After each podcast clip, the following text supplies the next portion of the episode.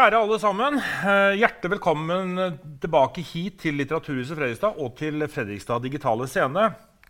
For fem år siden ble Fredrikstad-samfunnet rykket ut av uskyldigheten og rystet av nyheten om at flere av innbyggerne i byen hadde reist til eh, Midtøsten og, vervet seg for terrororganisasjonen IS.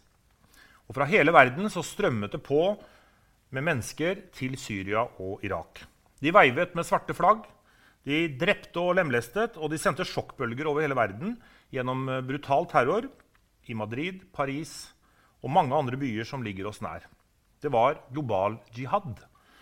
Disse menneskene hevdet at de kjempet eh, en hellig krig. Eh, åpenbart så følte de et fellesskap. De følte at de sto sammen om noe, at de kjempet for en felles sak. Men hvor kommer denne globale bevegelsen fra? Hvor startet det? Vi som har levd en stund, eh, husker godt terroren på 1990- og 2000-tallet. eh, og ikke minst terroraksjonen mot USA 11.9.2001. På litt dårlige videobilder fra fjellhuler i Afghanistan så kunne vi se Osam bin Laden sende ut sine befalinger til eh, hellige krigere over hele verden. Men det startet ikke der heller, for Osam bin Laden fikk næring til sin terror fra andre mennesker. Og det er disse forbindelselinjene fra Fredrikstad, Raqqa og Paris vi skal utforske i dag. Hvor kommer jihad-bevegelsen fra, og hva er det som driver denne terroren? Med meg i studio så har jeg Thomas Hegghammer. Velkommen hit. Tusen takk. Du er sjefsforsker på Forsvar, Forsvarets forskningsinstitutt. Og så er du spesialist på voldelig islam, islamisme. Og du er en av de ledende ekspertene i verden på jihad-bevegelsen. Eh, dette er jo ganske mørkt, Thomas. Farlig. Hva er det som gjorde at du kasta deg løs på denne dystopien? Altså, det generelle interessen for, for jihadisme den kom egentlig med 11.9. Eh, da var jeg på jobb. Jeg hadde eh, begynt så smått å, å jobbe med, med terrorisme. Men jeg, men jeg, var liksom ikke superinteressert. Og så skjedde denne spektakulære, tragiske hendelsen. Og jeg, fikk, jeg, ble bare veldig motivert til å finne ut hva det her, hva det her er for noe. hva det her handler om. Og så har jeg bare fortsatt med det ved siden. da. Og boka um, den begynte jeg med for uh, ti år siden ca. Uh, og, og det uh, var, Det er et, måte, et, forsøk på å gå helt tilbake måte, til kilden til bevegelsen og finne ut hvor, hvor, hvor den hadde sitt opphav. da. Ja, for nå har du nettopp kommet med, jeg må nesten vise den frem, da. Nå har du nettopp kommet med denne boka som heter The Caravan. Hva er det denne boka handler om, Thomas? Den er to ting. Det er en histori historien om fødselen til jødiskbevegelsen. Og så er det også en biografi om den mannen som var mest sentral i fødselen. Og han heter Abdallah Azam, og han var Osama bin Ladens mentor. Og han er fortsatt en inspirator den dag i dag eh, gjennom sine skrifter. Så, så, så, så, det går en forbindelselinje mellom Abdullah Assam og det som skjedde i Fredrikstad faktisk, for ikke så mange år siden? Ja, det vil jeg si. Uh, og, og, vi vet at norske fremmedkrigere som dro til Syria, at noen av de i hvert fall leste Abdallah Azams tekster. Selv om han sjøl døde i 1989, uh, så, har han fortsatt, har han hatt en, en, en sterk ideologisk innflytelse. Vi på Litteraturhuset har jo valgt å kalle dette arrangementet for 'Terrorens gudfar'. Syns du det er en dekkende tittel? Om enn litt tabloid, men er det en dekkende tittel for, for, denne personen vi skal snakke om? Ja, det kan man si. Og så gir det meg også anledningen til å måte, nyansere litt og si at, måte, at han ville nok ikke kjent seg igjen i, i ordet terror. fordi det han ønska, var fremmedkrigervirksomhet. Altså at man dro til konfliktsoner og slåss der sånn relativ, med relativt sånn regulære virkemidler.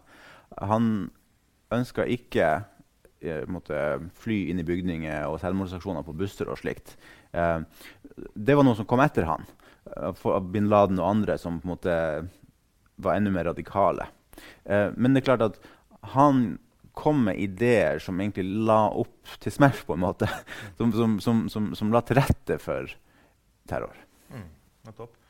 Og, og går, det an, altså, går, det an, å si noe om hva slags betydning Vi skal jo se litt bilder underveis nå uh, i, i sendinga, men hva slags betydning har denne Assam, uh, som sikkert er ukjent for mange, men, men, hvilken betydning har han hatt for, for uh, den voldelige islamismen i verden? Jeg vil si han har hatt en enorm betydning. Og jeg tror ikke at jihadismen hadde vært så At jihadistbevegelsen hadde, ikke, hadde, vært så stor som den er i dag uten han. Fordi um, vi vet at nesten alt som har vært av jihadistgrupper de siste 20-30 år, eh, det, det, det oppsto i Afghanistan på 1980-tallet. Fra det her miljøet med fremmedkrigere, ofte eh, kalt afghaneraberne. Og, eh, så, så det, er liksom, det, det, krybben. Og uten den krybben så, så, hadde man ikke hatt så mange eh, grupper som Al Qaida og IS i ettertid. Så spørsmålet er da liksom, hvordan oppsto krybben, og hvem er ansvarlig for det? Og, og, ingen er mer ansvarlig for det enn Abdallah Azam. Fordi han var den som først og i størst grad rekrutterte folk dit. Så var, han, han, begynte tidlig på 80-tallet med å skrive artikler og bøker og, og, og, for, å si at her var det en jihad på gang, altså mot Sovjetunionen selvfølgelig. Og alle verdens muslimer har en plikt til å reise dit for å slåss. Og så kom det da en, eh, mellom 5000 og 10 000 mennesker. Og det var fra de her, denne gjengen at Al Qaida som kom da. Men måtte, uten han så hadde man ikke fått så mange afghanerarabere på 80-tallet. Sånn sånn han, han, han, var veldig viktig på, på, den måten. I tillegg til en del sentrale ideer eh, som vi kanskje kan komme tilbake til. Ja. Vi skal, jo, øh, vi skal jo, bevege oss øh, litt tilbake i tid, og så skal vi på en måte bevege oss litt framover mot, øh, mot, der vi er i dag. Men, men for å bli litt mer kjent med denne Abdullah Sam, så har jeg egentlig lyst til å gå litt tilbake til hvor han kommer fra. Vi skal ikke dvele mye med det, men, men han er jo altså da født i Palestina i 1941. Eh, og bare syv år etter så skjer vel noe som skal forme hans oppvekst. Og da er vi i 1948. Eh, hva skjer da, Thomas?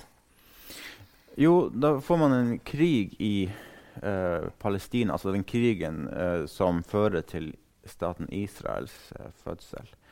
Og, eh, den, og etableringa av Israel kommer jo til en viss grad på bekostning av de palestinere som bodde der fra før, inkludert Azam og hans familie.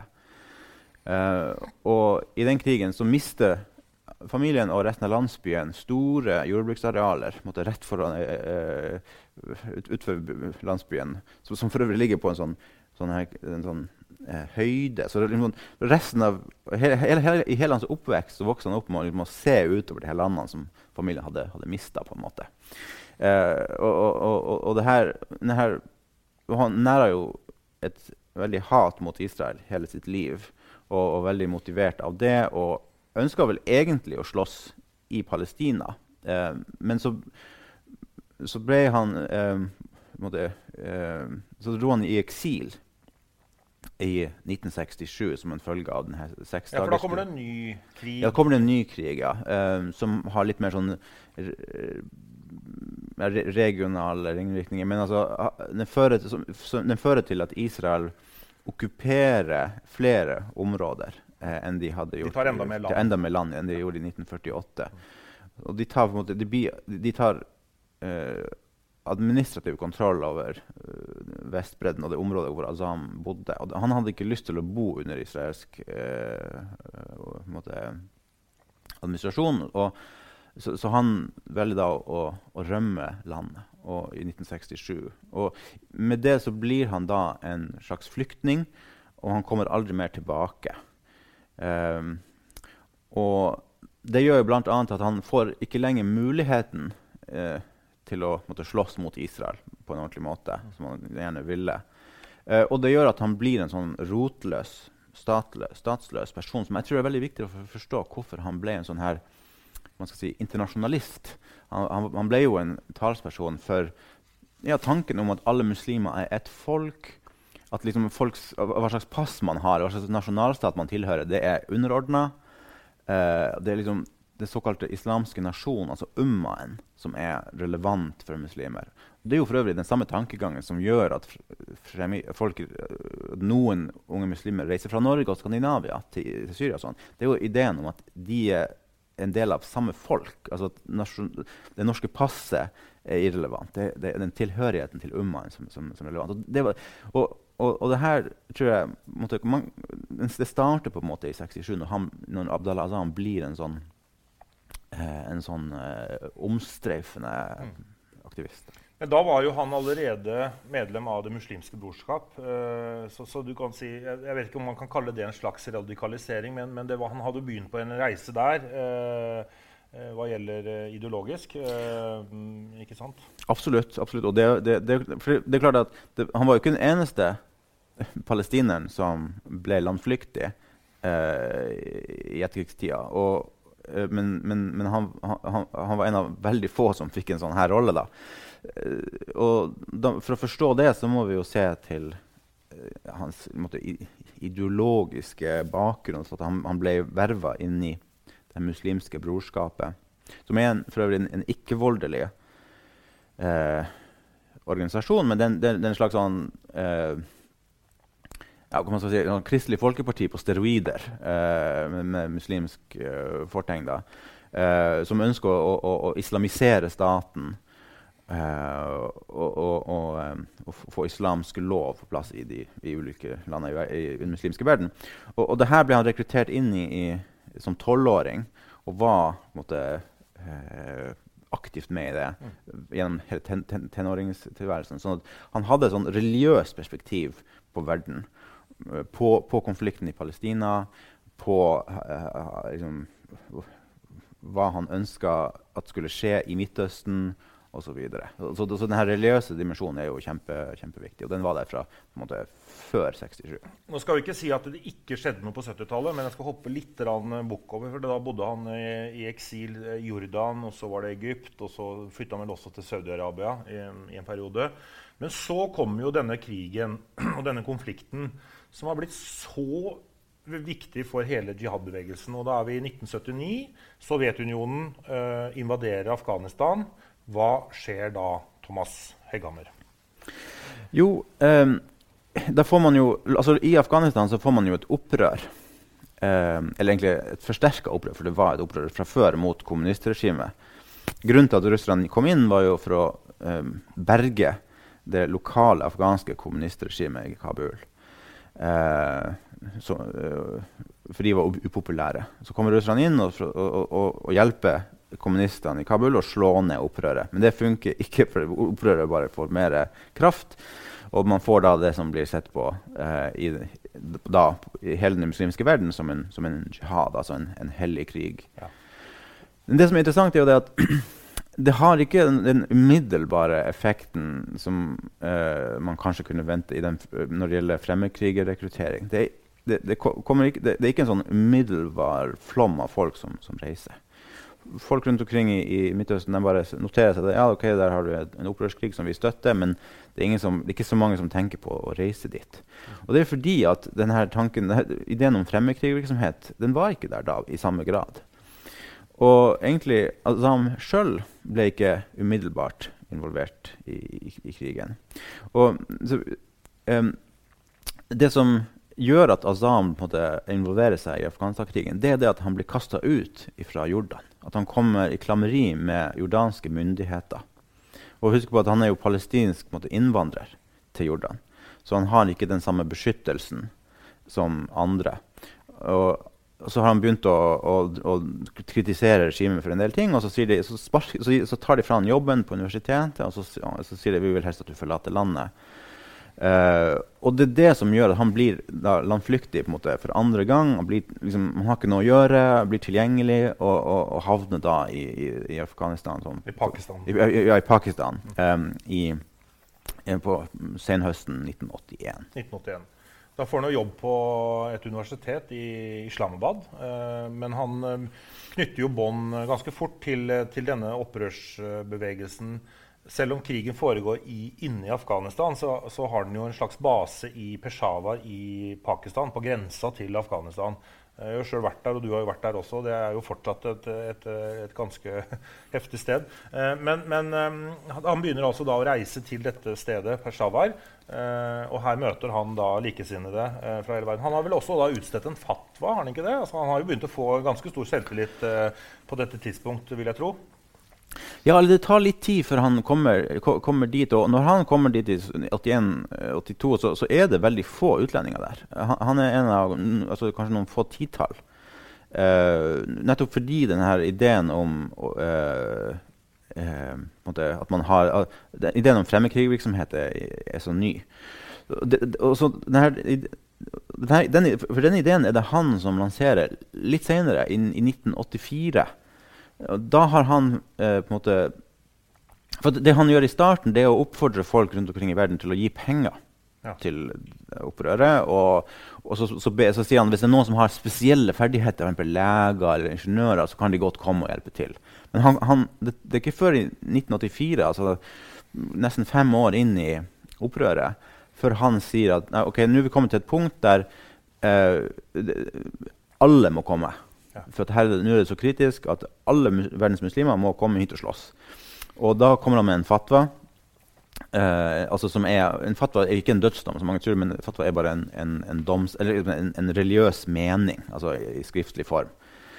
Uh, og, og, en slags erklæring, kan man si. Og det, uh, og det, og da, sier han noe relativt nytt, som, som er at hvis, hvis noe territorium i, muslimsk territorium i verden er under kontroll av, eller angrepet av ikke-muslimer, så har alle verdens muslimer en plikt for, til å reise dit. Og med det så, så, så skaper han på en måte ideen om en slags militær solidaritet, som er kjernen i motivasjonen bak fremmedkrigervirksomhet. Grunnen til at folk reiser ut som fremmedkrigere, det er for å hjelpe De, de ser på seg selv som hjelpere og beskyttere av andre muslimer eh, som er under, under angrep. Og den, det, den, ideen var det han som kom med da i, i 1984. Så 1984 er et, egentlig et, et, et viktig år eh, ja. for global jihadisme? Ja, det, det, er veldig viktig. Og det er også det året han, at han etablerer, sammen med Osama bin Laden, altså med, med bin Laden sine penger ja, For bin Laden er nå, han, er, han har nå kommet til, til Peshawar, han også? Nei, han, han er en slags uh, turist. Uh, kom, han, på starten av 80-tallet så kommer han innimellom et par-tre ganger i året fra Saudi-Arabia med penger. Og så reiser han hjem igjen. Uh, og han, han, flytter faktisk ikke til, til Peshawar før i 1986. Men, men, han, men, han, er jo I 1984 så begynner han å, å komme dit litt oftere, og, og, og, og, da blir han involvert i etablering av en organisasjon som, het, som de kaller for Tjenestebyrået. Som, som uh, måte, organiserer og strømlinjeforme rekrutteringa av fremmedkrigere. Det, det, det, det, gjør at fremmedkrigerrekrutteringa skyter, skyter fart. Det er rett og slett et rekrutteringsbyrå, eller hva man vil kalle det? Ja, det er både et rekrutteringsbyrå, men også eh, en slags eh, NGO, en slags sånn hjelpeorganisasjon for de afghanske mujahedin. Azam, altså, var veldig klar på at han kalte det tjenestebyrået fordi det skulle, det skulle utøve tjenester til de, afga, de, de, afghanske opprørerne, altså mujahedin, og ikke, til, ikke primært til uh, de utenlandske her ser, altså, her ser vi altså ideene til Assam og pengene til Osama bin Laden ja. uh, treffer hverandre. Og, og så la meg legge til at Det, det viser også at altså det at det her kommer såpass seint, i 1984, det viser på en måte at det er ingen automatikk i eh, en utenrikspolitisk utvikling og uh, voldelig opprør eh, eller fremmedkrigsvirksomhet. For det, det, det, tok flere år da, fra, russ, fra russerne invaderte, til at det begynte å, å, å komme fremmedkrigere i nevneverdig antall. Og når det gjorde det, så var det pga. arbeidet til noen få individer, som Azam og bin Laden. Eh, sånn det, det, er noe sånn som russerne sjøl ikke kunne på en måte forutsi. Sånn det, mange tenker på en måte at hvis et, hvis et, stort land invaderer eller okkuperer et annet land, så blir det umiddelbart masse problemer og, motstand. Men sånn er det nødvendigvis ikke. For at en, en eh, det, altså, Hvis en befolkning er misfornøyd med noen ting, det betyr ikke nødvendigvis at man får vold. Fordi at den volden, Man må organisere seg og få ting liksom, eh, eh, Man må operasjonalisere det før det, før det skjer noe. Og denne operasjonaliseringa som Azan da sto for. Og så er det jo viktig da, å, å, å, å, løfte blikket ut av det som da vil bli kalt uh, service office, eller tjenestekontoret, som, du, som, er det norske ordet på dette, her, som Assam og bin Laden etablerte. Så er det jo et mye mye større spill som foregår også. Uh, kanskje greit å dvele litt ved det, fordi det henger jo litt sammen med det som skjer senere. fordi i denne konflikten så har man da Sovjetunionen, som har invadert, eh, invadert Afghanistan. Eh, Pakistan er jo involvert med Sia ul Haq, som er president i, i, Pakistan. Og så har du også USA med som en, en, en spiller. Dette var jo en proxykrig eh, på mange måter, eh, hvor disse fremmedkrigerne eh, kjempet på vegne av andre. Kan du si litt om, om denne proxykrigen som pågikk? Hvilke krefter og, og var det som, som dro i, i, alt det som skjedde i Pakistan og Afghanistan på 80-tallet? Ja, altså Dette var jo en av de store frontene i den kalde krigen. Eh, og det var på en måte Sovjetunionens Vietnam. Um, og uh, USA var veldig ivrig på å gi sovjeterne motstand i Afghanistan. Um, for, for, for, å svekke dem og for å stoppe, deres, for å stoppe kommunismens innflytelse, men også litt sånn hevn. For, for, det som hadde skjedd i Vietnam, hvor USA sjøl hadde, hadde, blitt ydmyka. Uh, og, og, og, rett og slett uh, tapt krigen da, mot, eh, uh, mot kommunistiske krefter da, i, i, i, i Vietnam. Og, og, sånn at her så USA og dets allierte et, sitt snitt til å støtte de, afga de afghanske opprøret, mujahedin, mot, mot Sovjetunionen. De, men samtidig så kunne ikke USA gå direkte inn med styrke. For det var jo en del av gamet i den kalde krigen. Derfor het det den kalde krigen. At man slåss ikke, eh, Amerikanske og, og sovjetiske militære styrker slåss ikke direkte med hverandre. men de og, og, sånn at de, de, det de gjorde i stedet, var å, å, gi penger og våpen til andre som da slåss på vegne av dem. Og det var det som skjedde der. da, og, så, og sånn at USA gikk ikke inn med soldater, men de ga masse penger og masse våpen til de afghanske mujahedin via Pakistan. Eh, Pakistan var en slags våpenlanger. på en måte, altså, mellommann. mellommann. Altså, USA øh, øh, pøsa inn våpen og penger til Pakistan, og så tok Pakistan og fordelte det her ut til de afghanske mujahedin. Så dette betyr jo i praksis at eh, USA og til, i høyeste grad Pakistan var jo da med på å, å gi næring til denne dette som vi kaller starten av en global jihadisme. Altså det, det, var jo en mujahedin-bevegelse den gangen, altså en, en opprørsbevegelse, men, men, de var jo med å gi næring til dette. Vil, vil jeg si at USA også ga direkte penger til dette tjenestekontoret? Til Assam sin, eh, sitt kontor, eh, eller kom pengene inn andre veier? Altså det er det mange som har, har trodd og hevda opp gjennom årene, men, men, eh, sånn var det ikke. fordi vi må skille mellom de afghanske mujahedin, altså de lokale opprørskrigerne på den ene sida, og de utenlandske fremmedkrigerne på den andre. Uh, og de var to ganske separate enheter. De var, de var en totalt forskjellig størrelse. altså, de afghanske mujahedin var jo på sted mellom 100 og 200 000 soldater. Mens uh, de, de, de, utenlandske fremmedkrigerne var uh, De var aldri mer enn 2000-3000 personer uh, i, i, i, Pakistan på, til, til, på et tidspunkt. Og, og, og, og, av de var det bare noen få som var inne i, i Afghanistan. Kanskje bare 300-400 til enhver tid. Så, så, de var helt marginale i den, det overordna strategiske bildet. Uh, og sånn at amerikanerne de, de, og, og, og, deres allierte de brydde seg ikke om de, her, de afghanerne i det hele tatt. Det var, det var, ingen grunn til det. De var helt irrelevante. Osama bin Laden og Assam var ikke på radaren til USA? Jo, de var på radaren. Eh, altså, I hvert fall for, i, i, deler av etterretning, som har, jo, som, som har som oppgave å måte, kartlegge alt som altså rubbel og bit i, liksom, i en sånn krigssituasjon. Men, men, men eh, det, det, var ingen grunn uh, til, altså for amerikanerne å, å, å støtte uh, de her uh, fremmedkrigerne. Eh, når det var så mange afghanske mujahedin, og de hadde så store, store, store behov. Også I tillegg så var de her, de her utenlandske fremmedkrigerne, Azam og kompani, de var ekstremt antiamerikanske og veldig lite interessert i å ha noen som helst å gjøre med vestlige. Så det ville, selv om de hadde prøvd, så hadde det blitt et veldig eh, delikat forhold. Og det finnes overhodet ingen måte, harde bevis for direkte og systematisk måte, støtte fra USA til Men Det er jo en myte som har fått feste seg, at, at Osama bin Laden fikk penger fra USA. Ja, og, ja, og man hører den i, liksom, i ytterste konsekvens som i utsagnet om at CIA skapte Al Qaida. Ja. Og det er en konspirasjonsteori. Ja. Eh, og den, den, stammer, hvis man legger godsinnet til, fra en misforståelse, en sånn sammenblanding mellom de afghanske mujahedin og, og afghanaraberne. Men jeg tror nok også det har litt å gjøre med at, at det, altså antiamerikanisme i Vesten. Altså at uh, vi, mange, kanskje særlig i Europa, har en sånn uh, inntrykk av, eller bilde av USA som uh, måtte, både manipulerende, men også korttenkt og litt dumt.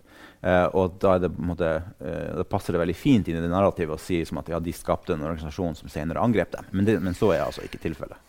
Uh, vi skal jo litt tilbake til USA nå, fordi, fordi, det spiller jo selvfølgelig en viktig rolle i dette her. Men, men, uh, men la oss nå er vi i tid sånn rundt 85-86. Um, dette forholdet mellom uh, Abdallah Sam og Osama bin Laden, det må du si litt om, Hegamer.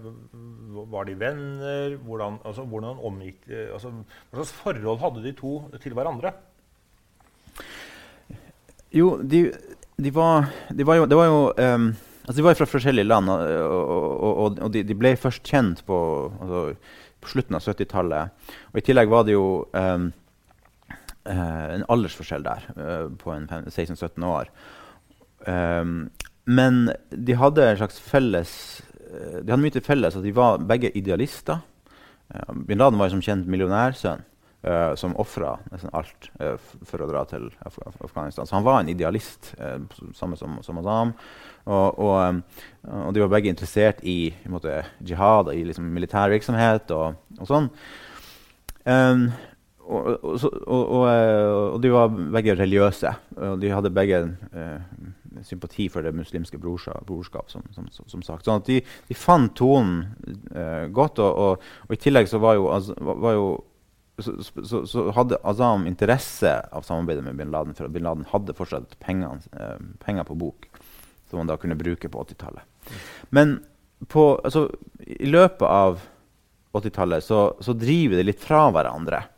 Fordi eh, Og kanskje litt pga. aldersforskjellen, egentlig. fordi at eh, det som skjer, er at Azam er en sånn mer sånn strategisk, pragmatisk tenker når det gjelder krigen i Afghanistan. Han ønsker at det, afghanere, altså det, viktigste er at afghanerne vinner krigen. Uh, og for å vinne den krigen så må man tenke bredt. Man må tenke på ikke bare på kamp og militær og våpen, og sånt, men man må også tenke på utdanning, helsevesen, uh, logistikk og slikt. så han setter, altså, altså, Azam setter en del fremmedkrigere til å drive med sånne ikke ikke sånn, eh, logi, sånn logistikkrelaterte eh, ting. I den tanke om at en, en, en, krigs, en, krig er en slags bred mobilisering. Mens, mens bin Laden han, var, han, han, han ønska i større, økende grad bare, å, å, bare slåss. Og, og, og, han hadde ikke tålmodighet til å, å, å drive med så mye sånn transport og logistikk og, og, drift av skoler og barnehjem og slikt som han sa han var interessert i. Sånn at um, Jeg kaller det her i boka uh, for å skille mellom pragmatikerne og militarister. Og, og Bin Laden var liksom en militarist. Han ønska å, komme seg ut, på, ut i, i, krigen så fort som mulig og, og trene opp en styrke med, med, med uh, arabere som kunne bli skikkelig tøffe krigere. En slags sånn spesialstyrke. Um, og uh, sånn at Fra 86 cirka, så, så, driver de litt fra hverandre. De har litt sånn ulike inter interesser, rett og slett. Um, og det er jo fra og, og, og, Fra 86 så begynner bin Laden å etablere en egen treningsleir inne i Afghanistan for å drive med litt sånn spissere operasjoner. Og det er fra den treningsleiren eh, som heter, man kalte det for Al-Masada, eh, det er fra den treningsleiren at Al Qaida kom. Eh, alle de folkene som var ledere i den leiren, de ble senere grunnleggere av, av, av Al Qaida. Um, så, sånn at eh, eh, da, da, begynner allerede denne radikaliseringa av eh, jihad-bevegelsen. Og, og, og, Azam mister sånn, litt kontrollen. Eh, Men han er fortsatt en slags mentor for Osama bin Laden? kan vi si det? Ja, eh, det, det er han absolutt. Og de, de, forblir venner helt til slutten. Og det er mange som har, det mange som har spekulert om vi kommer sikkert til det etterpå, men drapet på, på Azam, om, om, bin Laden kan ha stått bak. Men jeg tror jeg tviler sterkt på det, eh, for de var ganske gode venner. Men denne rekrutteringen av fordi den skyter jo fart på slutten av 80-tallet. Eh, spesielt eh, altså etter opprettelsen av dette tjenestekontoret. Eh, men så får jo da altså Assam og, og, hans kumpaner de får jo da reise så å si fritt rundt i hele den vestlige verden og rekruttere mennesker. Kan ikke du si litt om det? Fordi det har vi vel også noen videobilder av som vi kan, som vi kan se her nå. Um, hvor, uh, hvor uh, veldig mange moskeer faktisk i USA uh, er, blir rekrutteringsbase for, for, denne skal vi kalle det uh, mujahedin-bevegelsen i, i, Afghanistan. Uh, si litt om, om, om, det arbeidet som nå begynte på slutten av 80-tallet, hvor, hvor, hvor, hvor, man rekrutterte fra hele verden. Mm. Ja, Her må vi tilbake til det som du var inne på i sted, med, at, med at denne, det kalde krigen, og at USA og Vesten støtta de afghanske mujahedin. Um, fordi det det innebar, var jo at, um, de, at Vesten befant seg på samme side i krigen som Eh, ikke bare de afghanske mujahedin, men også, de her, også Azam og, og fremmedkrigerne. Eh, eh, og, og, og, det gjorde at, eh, de, eh, at Vesten la eh, veldig få hindringer i veien for rekrutteringsarbeidet til Azam. og hans, visste, de om det? visste de om at Azam og andre reiste rundt som, som de gjorde? Ja, det var uh, ja, Kanskje lite grann, men ikke spesielt mye. Altså, jeg, jeg, har, jeg, har, fått tilgang til, til uh, en del sånn FBI-materiale fra 80, slutten av 80-tallet. Det, indikerer, det indikerer at, de, at, han var helt sånn perifer. At de, de, de hadde liksom fått med seg at han hadde vært og snakka på noe sånt stort. Hvor var, hvor var uh, Assam? Han, han, reiste vel til USA også, gjorde han ikke det? Eh, Assam? Ja. ja. altså Han bodde jo i Peshawar, og så reiste han rundt uh, han var, han var, aller mest i, i Gulfen i, i, i, Midtøsten og i USA. Og så var han litt i Europa. Men det var Gulfen og USA hvor han var mest. Han reiste kjempemye i USA. New York, uh, hvilke, hvilke, byer var det han uh, oppholdt seg i?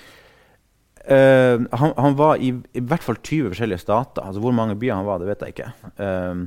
Og I tillegg så distribuerte de jo det her tidsskriftet hans som heter Al-Jihad Magazine over hele landet i, i, i, i, tusenvis av eksemplarer. Og Azam uh, reiste helt fritt. og han, han, Azam oppretta en bankkonto. opp, de oppretta også en, en, lokal avdeling for dette tjenestekontoret i, USA. Og opererte helt åpenlyst. Deltok på sånne store konferanser for måtte, muslimske studenter altså med typ 3000-5000 deltakere. Der var han på podiet og snakka. Og sånn. Og, sånn at, eh, vi må, jeg tror vi må Det er lett kanskje å, å, å, tenke at Oi, det var veldig dumt. Men vi må godt, måtte sette oss inn i, i, i den i, Sånn som det var da. Og, da var det jo, for det første så var det jo at, det var, at, det var først, at, at konflikten i Afghanistan var sett som, på som en konfrontasjon med Sovjetunionen. Uh, og for det andre så hadde det på dette tidspunktet ikke vært noe altså islamistisk terror.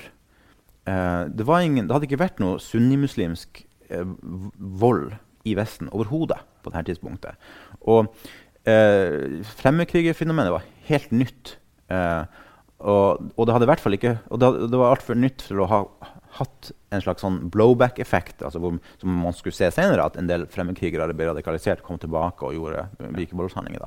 Sånn at eh, man hadde ikke, egentlig ikke noe, liksom noe, noe, grunnlag for å frykte eh, spesielt mye, da, kan man si. da, Hvis man ser på det på, på, på den måten. Og, og, og eh, men det førte bl.a. til at Azam fikk et veldig sånn, vidt spillerom i, Vesten. Og han, han, han, reiste som sagt til Europa. Han, han, var egentlig invitert til Sverige, til og med, til Stockholm, for å snakke.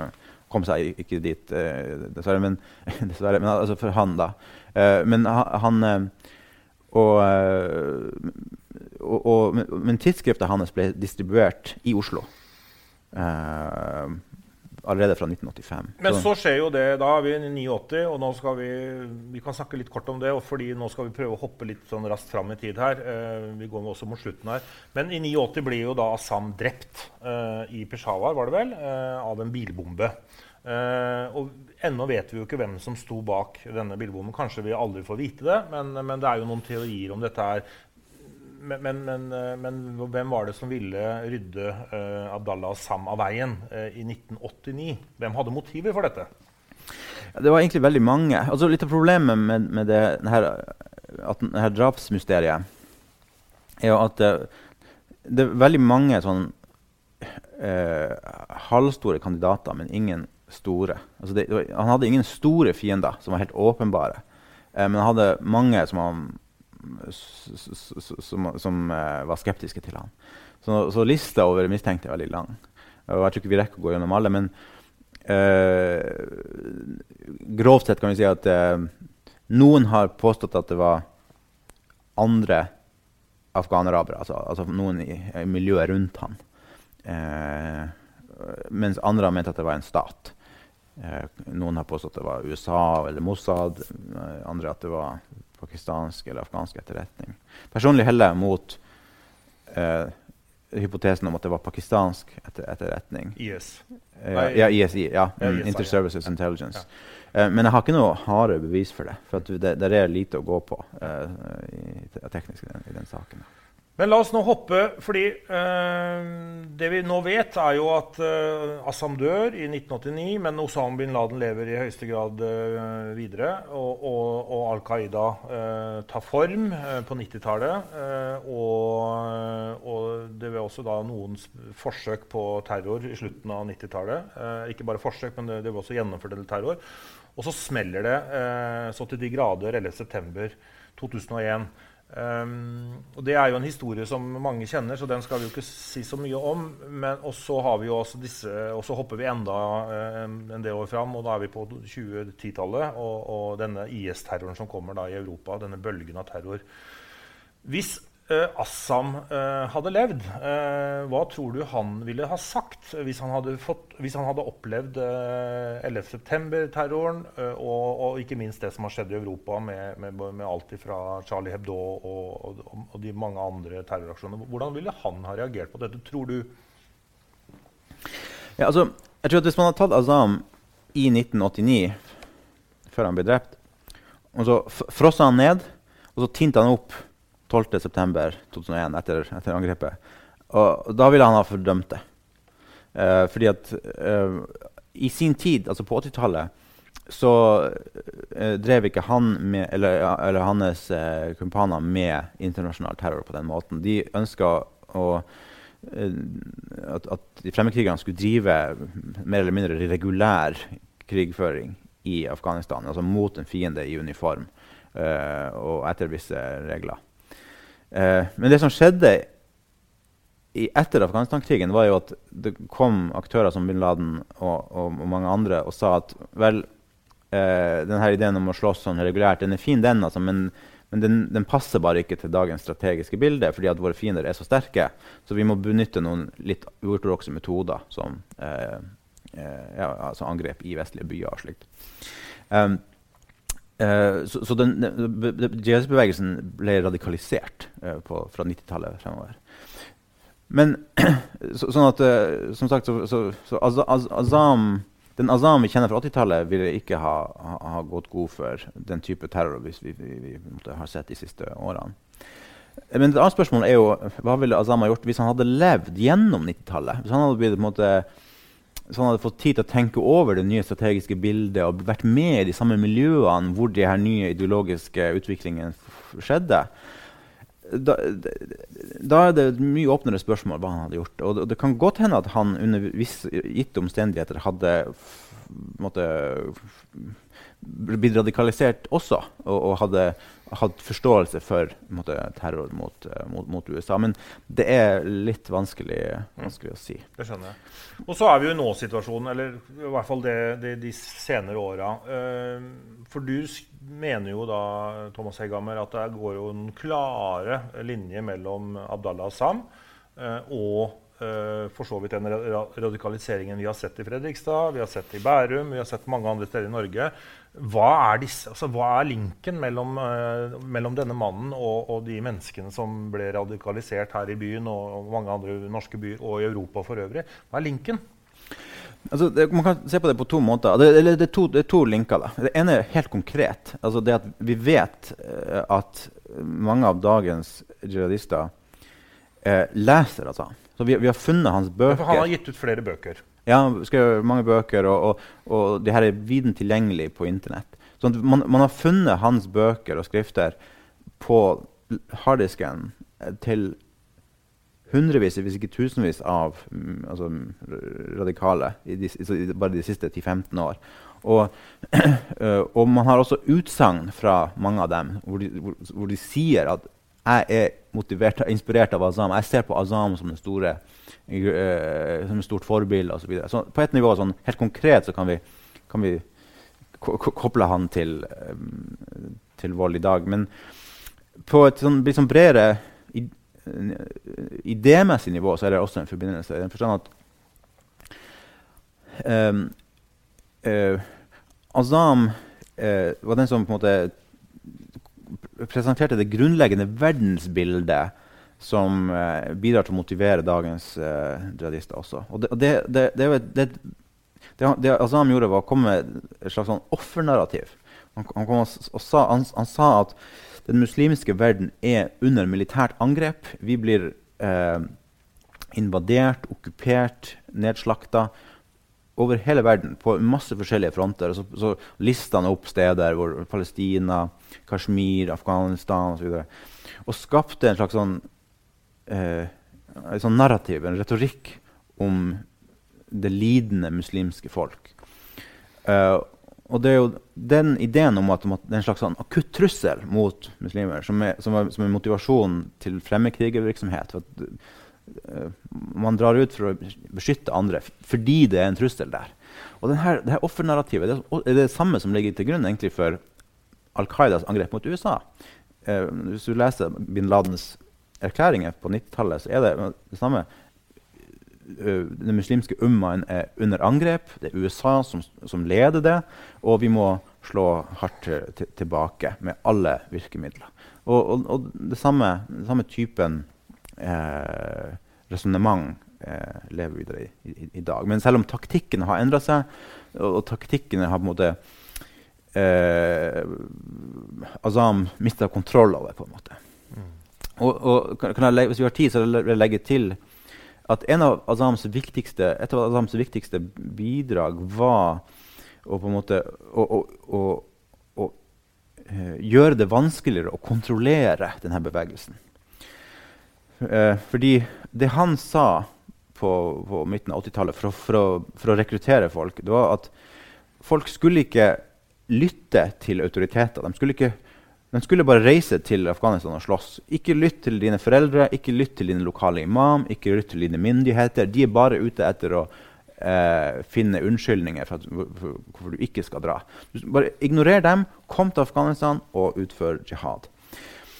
Og, eh, men det han ikke tenkte på, det var jo at hvis du, hvis du forteller noen at de skal ikke lytte til noen, da kommer det kanskje en dag hvor de ikke lytter til deg heller. Uh, og det var det som skjedde. Uh, først med bin Laden, med, med, med den egne leiren i fjellene, og, og, og opprettelsen av Al Qaida osv. Altså, han mista kontrollen. Det, det, det, kom frivillige, altså krigsfrivillige som hadde andre ideer om hvordan man skulle utføre krigen. Og når Azam sa nei, jeg synes ikke det er noen lur måte, la oss heller slåss sånn, så sa de bare talk to the hand. Uh, og, og, og, det her har bare fortsatt gjennom 90-tallet og 2000-tallet. Altså, det har kommet nye grupper med stadig mer radikale liksom, taktikker. Og, og, de har ikke lytta til noen. Så selv om det kommer liksom, en religiøs autoritet og sier at nei, det her er illegitimt, det er uislamsk, så lytter de ikke. Så, så, så, det at man da har hatt uh, barn og ungdom, får vi nesten kalle det, uh, i hvert fall unge, unge, voksne fra Fredrikstad og fra mange andre steder, som da trosser foreldrene og drar av gårde, det, det, kan vi altså se Der er det noen røtter tilbake til Azam. Ja, Azam åpna Pandoras eske når han undergravde autoritet i, i, internt i, i, det, i, i, i islamistmiljøer.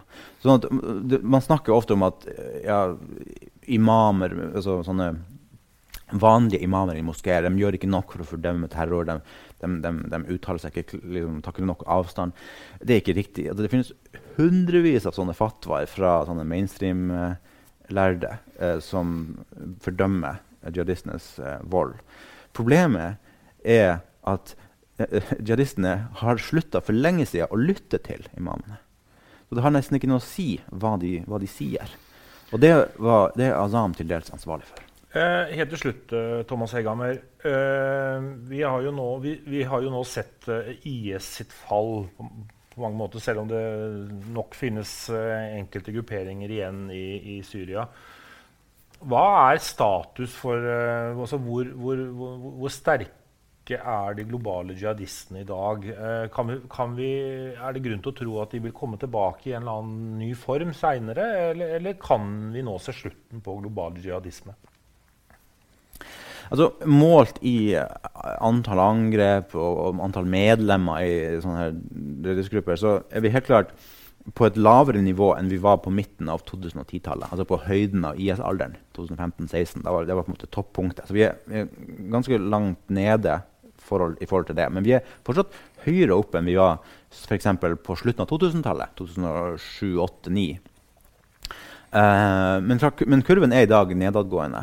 Uh, så spørsmålet er jo da vil den fortsette å gå videre ned, eller kan den snu igjen? Og her kommer det nok litt an på hvor man snakker om. Altså, snakker vi om Europa? Snakker vi om um, uh, Midtøsten? Snakker vi om Vest-Afrika? Snakker vi om Afghanistan? Og da blir det straks vanskeligere å, å spå. fordi at uh, det som, det, det avhenger rett og slett av lokal, regional politikk. altså blir blir det, blir det Kollapser staten i, uh, i Mali, f.eks.?